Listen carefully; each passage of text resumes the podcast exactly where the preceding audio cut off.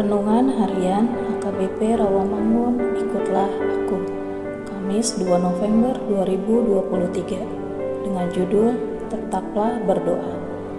Bacaan kita pada pagi ini tertulis di dalam 2 Korintus pasal 8 ayat 16 sampai dengan 24 Bacaan kita pada malam ini tertulis di dalam 2 Korintus pasal 13 ayat 1 sampai dengan 10 dan kebenaran firman Tuhan yang menjadi ayat renungan kita hari ini tertulis di dalam Injil Matius pasal 7 ayat 8 yang berbunyi karena setiap orang yang meminta menerima dan setiap orang yang mencari mendapat dan setiap orang yang mengetuk baginya pintu dibukakan.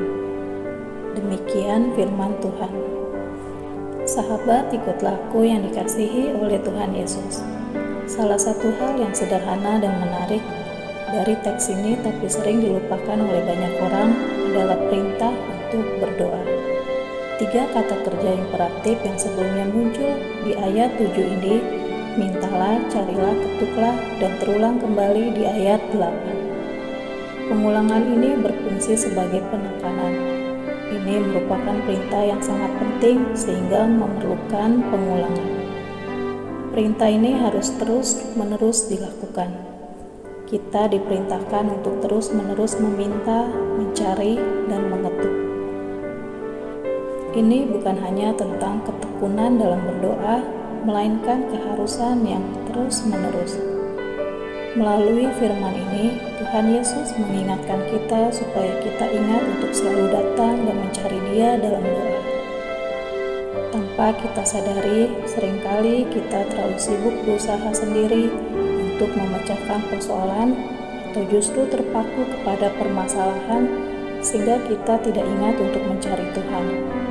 Ambillah waktu sejenak untuk duduk diam di dalam keheningan mencari Yesus, bercakap-cakaplah dan beri kesempatan untuk Yesus juga berbicara dalam hati kita.